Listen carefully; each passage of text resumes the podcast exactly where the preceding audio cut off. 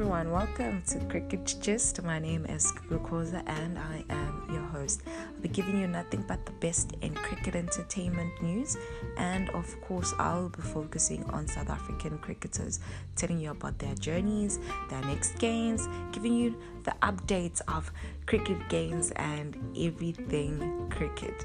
So make sure that you stick around for all of your latest cricket updates, and I will be here all the time to give you all the news that you need to know.